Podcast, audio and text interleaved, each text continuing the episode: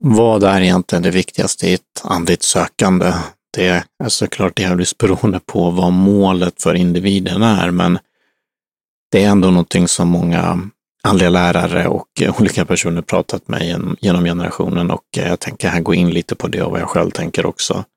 Exempelvis Adyashanti, en eh, non-duality-lärare, som det kallas, icke-dualistisk lärare, brukar prata om att det är inte så mycket kanske tiden eller eh, vad man gör, utan han menar att det är framför allt engagemanget och eh, attityden med vilken man angriper sin praktik då, för att i princip alla mystika traditioner i alla fall, som håller på då med någon typ av meditation som pratar om det här med uppvaknande, upplysning, moksha, teosis, nirvana, fana och så vidare, menar att vi behöver praktisera eftersom vårt sinne genom vår livshistoria har lärt sig ursäkta, att eh, vara på ett visst sätt, förstå saker, förstå världen, bli lurad då, om man tänker i termer av illusion, maya, samsara, simulering i mer moderna, mer modern terminologi. Så hur kommer vi upp det, den här drömmen av ett jag, drömmen av att en individ, som traditionerna menar att det är, hur eh, kommer vi, vakna upp ifrån det? Jo, genom meditation, då, genom olika typer av andliga praktiker. Shamanismen har något annorlunda praktiker, de har mer fokus på ja, men delvis då psykedelia, trumresor, ja, energiarbete och sånt där. Men eh, de mer citattecken moderna, de, de traditioner, åtminstone de som kommit de senaste par tusen åren, de abrahamitiska religionerna eller buddhismen och sådär. Hinduismen går väl eh, längre tillbaka, men beroende på hur man ser det och vad man börjar räkna. Alla de har meditation. Alla de har ett fokus på att meditera, på att även om man kan tänka sig att kristendom verkar inte ha så mycket sånt idag, men nu har det börjat komma tillbaka. Dels har de inkorporerat av någon anledning vanlig sen, sen buddhistisk meditation, men det finns också bakåt i tid för eh, kristen, eh, kristen djupmeditation, kristen mystik och sådant eh, som man har hållit på med i många, många hundra år, som är samma sak som en, eller en typ av meditation. Så det här återfinns i alla de traditionerna. Så är det det som individen är ute efter så är det alltså det här med uppvaknande eller förstå icke-vetandets mån i den kristna mystiken, buddha, naturen inom buddhismen. Vakna upp ur eh, illusionen, ur maya i hinduismen. Då är det meditation man ska ägna sig åt. Men som Maria Shanti menar då så är det inte själva praktiken bara i sig själv, utan också med vilken attityd vi går in i den med. Så att det är viktigt att vi inte bara gör det, bara, på engelska säger man ibland så här, going through the motions, bara typ läpparnas bekännelser. Man, man gör de här sakerna, men man är inte riktigt där. Hela tanken med medit meditation är ju såklart att man ska vara där, vara där i nuets kraft, the power of now, som Eckart Tolle brukar kalla det. Att bli fullt närvarande i egentligen varje stund, men här tränar vi upp sinnet att åtminstone försöka vara det i en liten stund när vi mediterar. Och vi ser hur svårt det är. Även fast vi bara gör en väldigt liten stund, så resten av dagen, resten av tiden, så är vi ännu mindre närvarande generellt. Om det inte är så att vi håller på med någon så här speciell sak som gör att vi blir väldigt närvarande. Men det fokuset att kunna vara närvarande, det tränar vi upp över tid, det tränar vi upp med meditation och det gör att vi blir bättre på att vara närvarande. Och är vi närvarande över en längre tid, länge, länge, länge, ser till slut, ser, ser, ser och ser igenom till slut jaget, egot, illusionen, maya, samsara, simuleringen, ser igenom jag-illusionen, ser igenom narrativa och självrefererande tankarna. Ja, då händer det här som traditionerna pratar om. egoillusionen, egot, jaget upplöses, det nirvanar, det fanar, det försvinner, det upphör och eh, kan vara för stunden och eh, sen kommer det tillbaka. Men det kan också vara permanent då. Eh, och eh, det är en, en typ av uppvaknande, en typ av upplysning som traditionerna pratar om, när det ses igenom. Och då är det målet. Och om det är målet så är det det som vi bör ägna oss åt. Vi bör ägna oss åt meditation. Vi bör ägna oss att eh, regelbundet sätta oss och meditera. Hitta en meditationsform som passar oss då, för det finns många att välja mellan. Det finns en del, eh, lite studier i alla fall. Det finns inte så mycket vetenskaplig forskning på det här, men annat än på vad som händer när människor ägnar sig åt olika typer av meditationsformer. Men vilket som funkar bäst för det här med uppvaknande upplysning eftersom att det inte är en, ska man säga, det är inte en erkänd, erkänt fenomen med uppvaknande, så blir det svårt att eh, forska på det också. Såklart. Men det finns någon som har gjort det som Jeffrey Martin exempelvis och han menar på att olika metoder fungerar olika bra för olika personer vid olika tillfällen. Så att en metod som passar dig om det är mantra, om det är konträning, ställa frågor som man gör inom zenbuddismen eller om det är räkna andetag, om det är bodyscanning eller någonting annat. Bara vara, bara sitta, bara uppleva nuet. Vad det än är som passar. Och det kan passa olika bra vid olika tillfällen, kan skifta över tid. Det ska vi göra i alla fall. Det är en viktig sak när vi anser att det är viktigt att eh, gå igenom den här processen då. Då behöver vi hitta praktiken som passar för oss, lite som de här tre björnarna, inte för mjuk, inte för hård, utan precis där mittemellan. Och just det här, eh, den högsta formen av meditation ibland inom zenbuddismen brukar kallas för shikan eh, tassa, som betyder bara sitta ungefär. Och där så är det så väldigt svårt eftersom att man bara gör det. Det är, ingen, det är inget mantra man fokuserar på, det är inte någon kam man fokuserar på, det är inte andetag man fokuserar på. Så det finns inget objekt, utan det är bara vara, bara sitta. Och hur gör man det? Jo, det är en typ av då ansträngningslös ansträngning som det beskrivs då, vilket är motsägelsefullt, vilket är hur andlighet i mångt och mycket är. Det blir ofta det, att det blir konstigt eftersom att det är då icke-dualistiskt, så som den typen av lärare som Adyashanti var. Icke-dualistiskt betyder icke två. Det finns ingen insida och utsida, inget här och då, ingen nu och sen. Så ur det perspektivet finns det såklart ingen upplysning, inget uppvaknande heller eftersom det skulle vara i så fall dualistiskt. Så det här är uppvaknande upplysning. Det här är det som alla söker. Det finns inget annat än det här. Men de lär ändå ut det här med meditation och shikantasa. Så är det målet, så är det det vi ska göra. Hitta praktiker som passar oss och sen göra dem. och är man av den typen av person att man har väldigt svårt att disciplinera sig, kan det ibland vara en utmaning då, kanske en bra sak att anstränga sig lite grann för att göra det.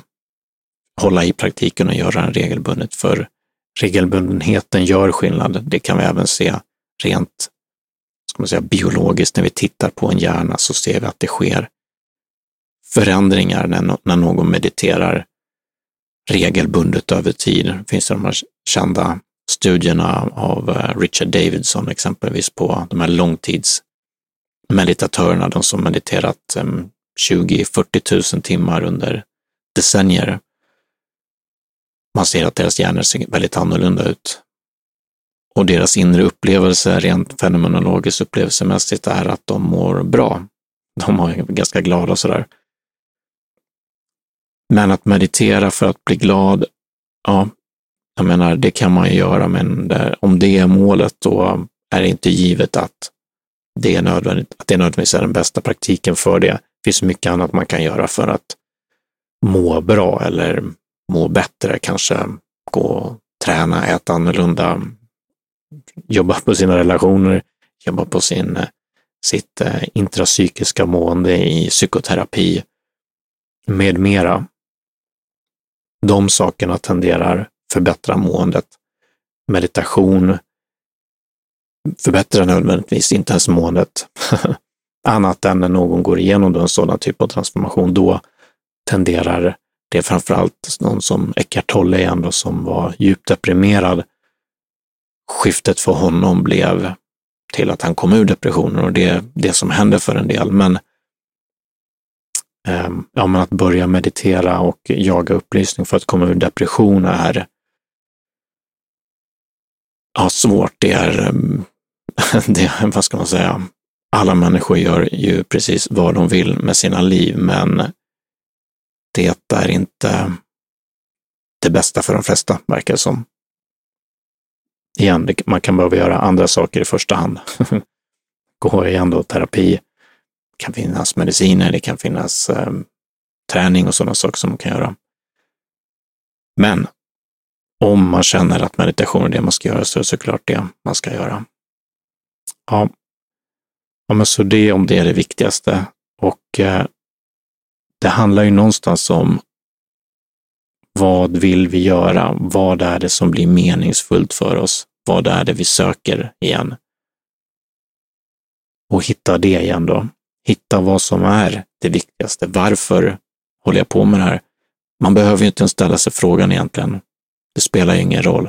De flesta människor gör naturligt bara det som det som de vill göra, det de naturligt dras till, om det är tarotkort eller om det är meditation eller om det är astrologi.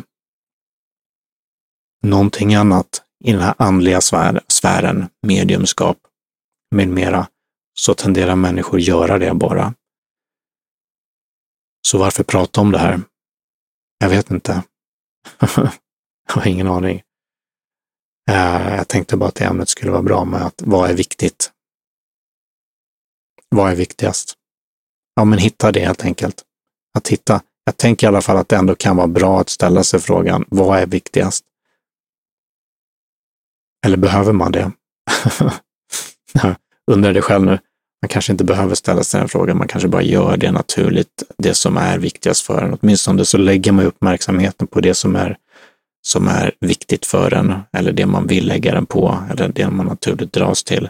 Vad som händer dock med meditation är att ens uppmärksamhet förflyttas, förändras över tid till att bli mer så som den blir när någon går igenom en kris, ibland i alla fall, eller när någon exempelvis ligger på dödsbädden eller när någon exempelvis tagit psykedelia eller något annat och hamnat i ett förändrat medvetandetillstånd. För vad som händer när vi mediterar, framförallt över tid, är att vårt medvetandetillstånd förändras, är att livet blir, upplevs som mer meningsfullt, likt hur människor säger när de här är andra vad heter det, medvetandetillstånd där de ser på livet på ett annat sätt, som någon som ligger på dödsbädden.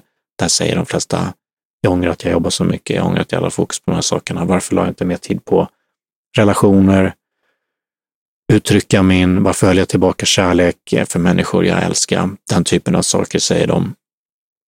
Och människor det finns olika sätt att komma åt det såklart. Komma åt det redan nu då, ut, innan vi dör. Människor som går igenom nära döden-upplevelser, det är kanske inte är det enklaste sättet att göra det på, men de kommer ju också tillbaka och säger liknande saker. Allt är kärlek, finns inget, eh, ingen liv och död, det är bara en förändring. Jag har eh, hittat eh, vägen, ibland säger de, eller jag, nu förstår jag hur det är och, och många kommer tillbaka förändrade många är mer kärleksfulla. Det är någonting som man också kan bli genom det, en, en typ av andlig process. Inte säkert att det blir så, men de flesta brukar beskriva att de, har upple att de upplever mer meningsfullhet i sina liv, likt någon eh, som varit med i psykedelisk assisterad psykoterapi också. De skattar också den upplevelsen som här är inte att jag förordar att man ska ta psykedelia, jag bara säger vad, vad studierna säger. Att eh, en majoritet säger att det är en typ topp tre av deras mest, deras mest meningsfulla upplevelser. Just för att de då, i alla fall är min bild av det, de kommer in i det här medvetandetillståndet som gör att de ser på livet, på sig själva, på sina känslor, på sitt, sin historia och på världen, den upplevelsen just nu på ett annat sätt som är djupt meningsfullt för dem och att söka de sakerna. De flesta människor skulle säga, tror jag i alla fall, att meningsfullhet är i toppen av vad man tycker är viktigt. Någon annan kan ju ha något annat såklart, men för mig är i alla fall meningsfullhet, kärlek, omtanke, vara en bra människa och så i toppen. Och då är det intressant att människor som, som det ser ut, verkar förändra sin hjärna eller förändra sitt medvetande tillstånd till att saker bara blir mer meningsfulla som ändå när de tagit psykedel, är med i psykedelisk assisterad psykoterapi, svårt att säga, som när de varit med om en nära döden-upplevelse, som när de ligger på dödsbädden, som när de har eh, ibland varit med om en kris då, som sagt. Det kan ibland göra att vi tycker att vi blir nihilistiska, tycker att den är strunt bara och inte vill leva längre. Men det kan också vara att vi blir ödmjuka då, för vi är med om någonting jobbigt, utmanande på något sätt och då ser vi också på oss själva, världen, livet och andra människor på ett annat sätt. Men så också är i alla fall meditation ett verktyg till det. Att göra saker mer viktigt, så saker blir viktigare på grund av att vi ägnar oss åt det här att bli mer närvarande i nuet, för det är ändå det, är det som händer mycket. Det är det som händer människor som ligger på dödsbädden. Då inser de, det här försvinner. Det här kommer försvinna snart.